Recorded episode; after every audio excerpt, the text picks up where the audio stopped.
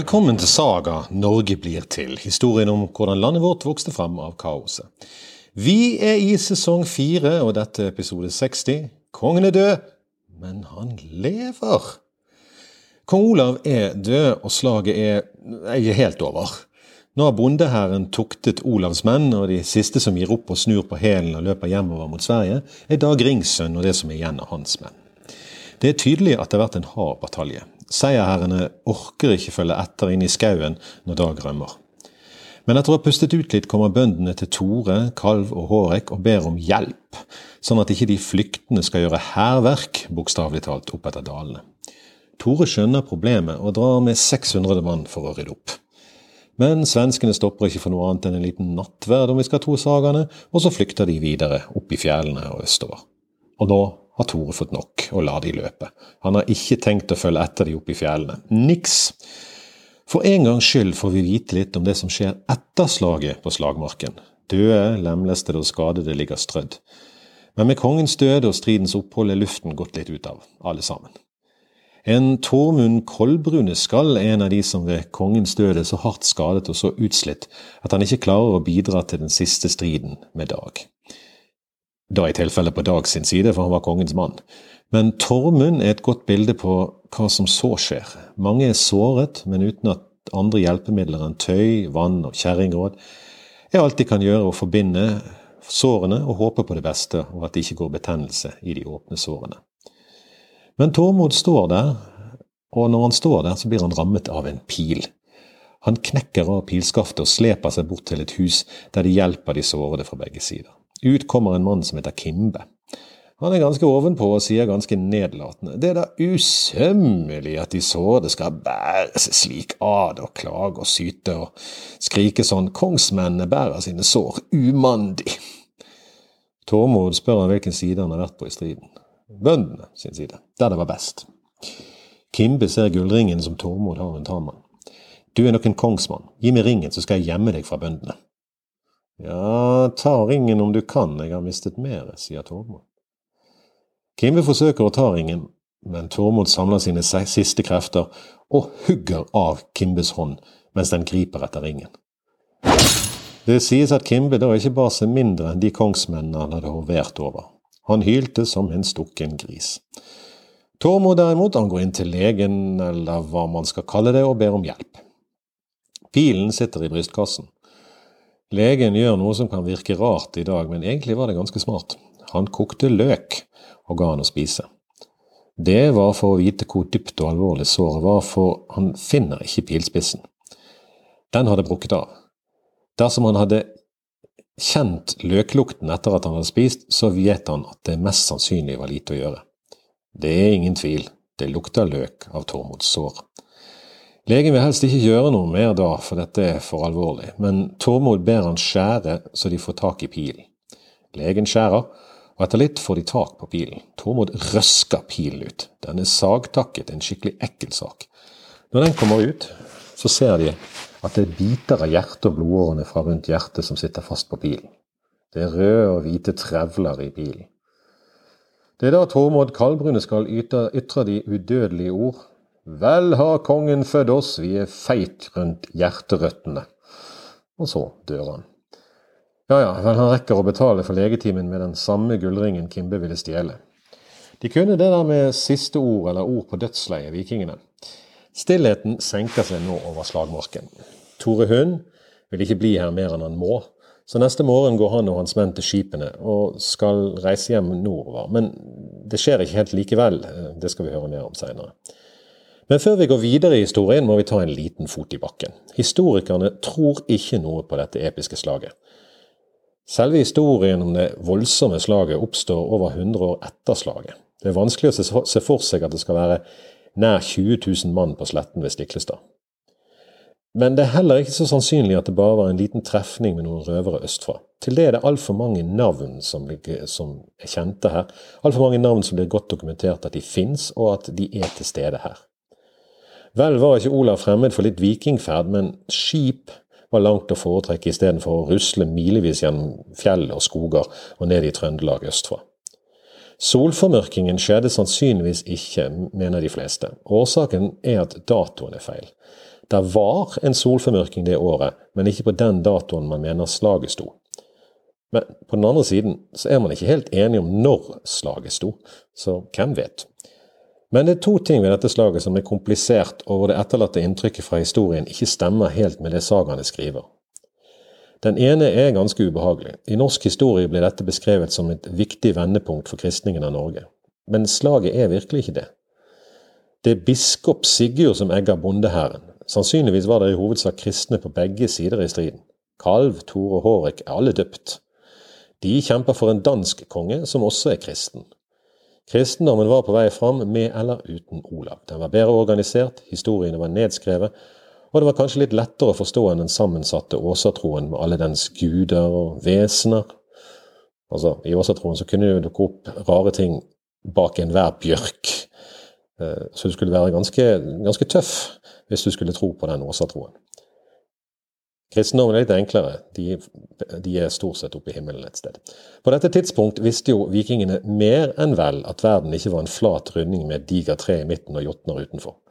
I alle fall ikke så langt de kunne reise, og de hadde reist langt. Og regnbuen, den var ikke en bro til Åsgård, det skjønte de i hvert fall. Så det var i hovedsak kristne mot kristne på denne kampen på Stiklestad, selv om det fremstilles kanskje litt annerledes. Det andre som er litt ubehagelig, er at dette slaget, som er så viktig i norgeshistorien, er altså egentlig en stedfortrederkrig. Olavs hær er det for det meste svensker. Bøndene de slåss for en dansk konge. Det hele virker egentlig litt, litt kleint i ettertid. Men kleint eller ikke, nå fortsetter historien. Slaget er over, men det tar tid å rydde opp. Skal en tro det som skrives, ble ikke likene ranet for verdisaker, og det var uvanlig. Men likevel er bøndene nå klare på at likene til kongens menn de skal få ligge og råtne på slagmarken. Det følges bare sånn passelig. Stormenn og de som har forbindelser, tar selv hånd om sine frenders lik, uten at det ser ut til å bli noe større ut av det. Men så var det Olavs lik, da. Bøndene vil helst bli kvitt det, brenne det eller senke det i fjorden, sånn at det ikke ligger en grav der som kan samle Olavs venner, og som kan være et symbol for fremtidig reisning. De vet jo godt at Olav har en sønn der øst, Magnus, og de vil helst ikke at han skal komme tilbake igjen til et sted der han liksom kan fokusere kampen. Tore Hund hadde jo stelt like og fått det midlertidig gravlagt. Nå viste det seg at Tore Hund ikke hadde dratt hjem helt likevel. Han kom nå tilbake for å ta hånd om kongens lik og finne en løsning på dette her. En permanent løsning, helst. Men liket er borte vekk. For i mellomtiden har en Torgrim Halmasønn og hans sønn Grim ikke tatt hånd om, eller stjålet, alt dette som. De har i hvert fall tatt liket for å beskytte det mot hva nå enn fienden hadde tenkt å gjøre med det. Tore Hund spør den lokale bonden hvor i granskauen er liket blitt av. Bonden aner ingenting, men kommer så med litt foruroligende nyheter. Han sier at Olav er sett opp ved Stav, og en skare menn med han. Tore Hund vet godt at dette ikke kan være tilfellet, for han har egenhendig drept kongen, og han gravla han sjøl. Hvor er liket? Vel, like finner ikke Tore Hund, men Torgrim og Grim, de har det. Det de har gjort, er å vaske det og stelle det og skjule det under en vedhaug i et uthus. Og nå begynner rare ting å skje. Over plassen der Olav har falt, ser folk et lys. Det er ikke så usannsynlig. Noen er kanskje ute for å leite etter liket, på samme måte som Torgrim og Grim og Tore Hund. Men nå dukker det også opp lys over skjulet der Olav ligger gjemt under vedstabelen. Det hele er ganske mystisk. En gammel blind mann som er kjent i området, forviller seg på en eller annen måte inn i skjulet. Han leter etter et sted å sove. Han snubler og må støtte seg på bakken og oppdager at det er vått på bakken der han tar seg for. Han reiser seg og skal rette på hatten, av alle ting. De våte fingrene kommer borti ved øynene hans, og han får en voldsom kløe i øynene. Han klør seg med de våte hendene og går ut for å si at der inne, der kan man ikke sove, for der er det jo vått, det, det, det renner vann. Den blinde mannen blir så plutselig helt stille. Han stirrer på hendene sine. Han kan se de. Han kan se! Den gamle mannen springer sporenstreks det beina tåler, til nærmeste hus og forteller at han kan se! Han er ikke blind lenger! Han forteller historien. Altså, jeg kom inn i et hus, det var vått på bakken, klør i øynene. Jeg kan se! Torgrim og Grim hører historien og blir mm, litt urolige.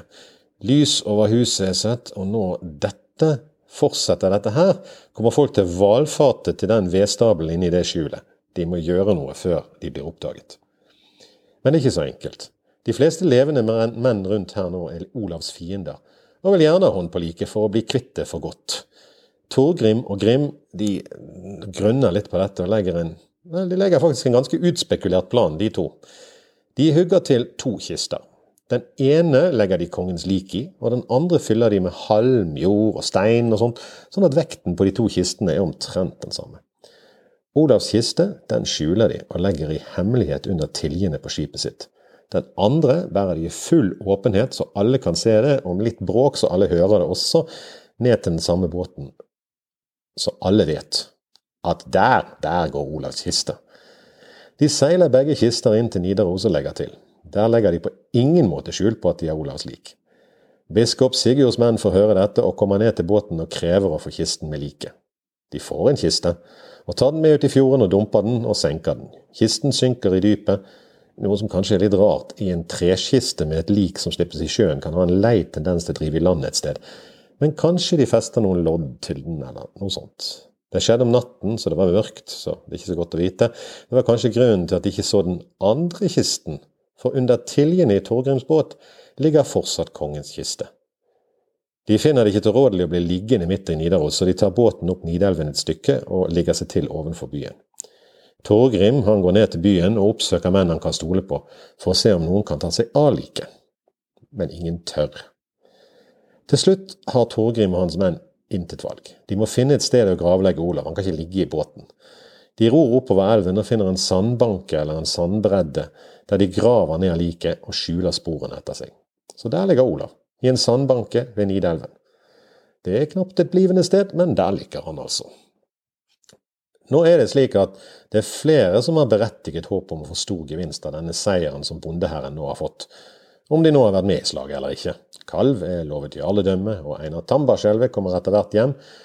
Han er også lovet jarledømme, men han vet egentlig hva Knut nå har tenkt seg, og han er ikke særlig godt fornøyd med det i det hele tatt. For Knut han har bestemt at Norge det passer godt som treningsplass for hans sønn og arving Svein. Svein var allerede i Norge. Han var kommet fra Danmark til Viken mens slaget sto på Stiklestad. Med seg har han sin mor Alf Ivar. Svein blir tatt til konge på alle tingene langs kysten, og stopper ikke før han er fremme i Nidaros. Han har en del menn med seg. Men nå skal stormennene i Norge få seg en ubehagelig overraskelse. Svein har også med seg danske lover ja, vi sier danske lover, men det han har med seg, er rett og slett knallharde bud. Ingen skal dra ut av landet uten at de får lov av kongen. Dersom en likevel drar ut, skal eiendommen falle under kongen. Dersom en er utlegd, altså utenlands, og dør, da skal arven tilfalle kongen. Skattene blir økt, og det samme blir leiegangspliktene. Hver mann som ror fiske, skal gi kongen fem fisk. Hvordan de rent praktisk skulle få det til, vel, det, det var vel en, kanskje litt kvotejuks i de dager. Men sånt driver jeg ikke med nå. Grunnrenteskatt derimot, det driver vi med, og dette ligner veldig på det. Det verste var imidlertid at det også ble, blir sånn at dersom det er sak på tinget, så skal det ti nordmenns vitner til for å utligne en danske. Ett dansk vitne teller ti norske. Klarere kan det ikke sies hvem som er herre og hvem som er tjener. Kong Knuts beskjed er klar. Norge er en koloni, ikke et eget rike. Men det er ikke Svein eller Knut som får skylden blant folk. Det er dronning Alfiva. Dette motivet kjenner vi igjen, f.eks. fra Gunhild, trollkvinnen som var Eirik Blodøks sin dronning, eller Sigrid Storrådet. Den onde kvinnen som får sin mann eller sin sønn i dette tilfellet til å gjøre onde ting.